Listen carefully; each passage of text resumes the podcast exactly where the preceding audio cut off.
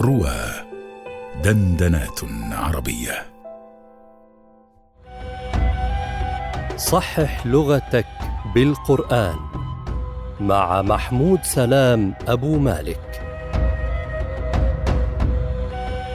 الموسم الثاني على رواه.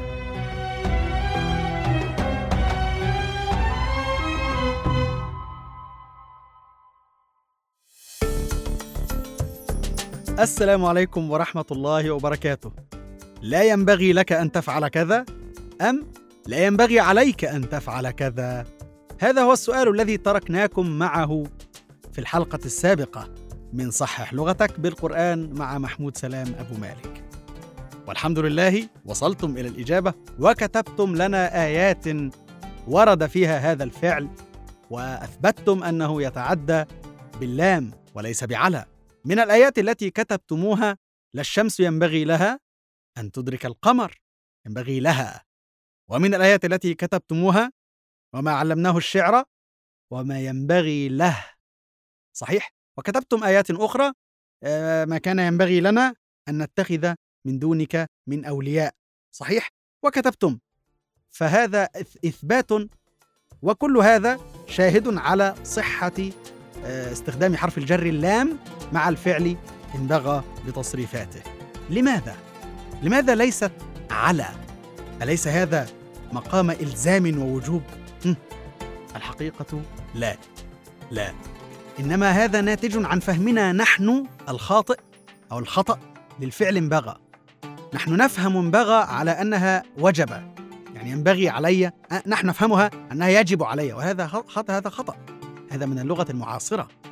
إنما انبغى عند العرب من من من الجذر بغى بغى يعني أراد طلب. فإذا قيل انبغى لي الشيء يعني تيسر وتسهل. هذا هو الأصل. فإذا قيل لك لا ينبغي لك أن تفعل يعني لا يحسن بك أن تفعل لا يليق بك أن تفعل لا يستحب لك أن تفعل.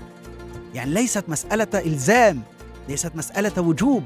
إنما مسألة لياقة انبغاء حسن سهولة استحباب. لا يستحب لك هل تقول لا يستحب لك أن تفعل أم لا يستحب عليك أن تفعل؟ طبع لك. ترفض أنت مجيء مجيء حرف على في هذا في هذه الحال. صحيح؟ ترفضها مع استحباب واستسهال ولياقة. ارجع إلى المعاجم ارجع إلى الوسيط يقول الوسيط ينبغي لفلان أن يعمل كذا يعني يحسن به ويستحب له.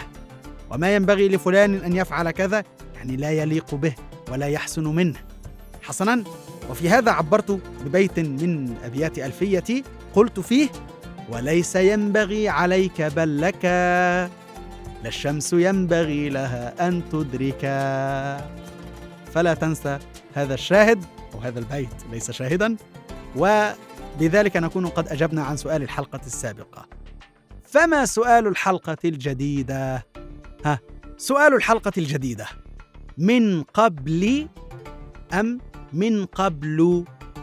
من قبل من قبل. نضم اللام أم نكسر اللام؟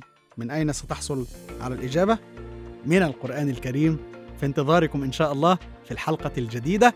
اكتبوا لنا طبعا الإجابة التي تصلون إليها في التعليقات كعادتنا. وتعالوا في الحلقة الجديدة من صحح لغتك بالقرآن لنبين إن شاء الله الإجابة الصحيحة. محبتي لكم محمود سلام أبو مالك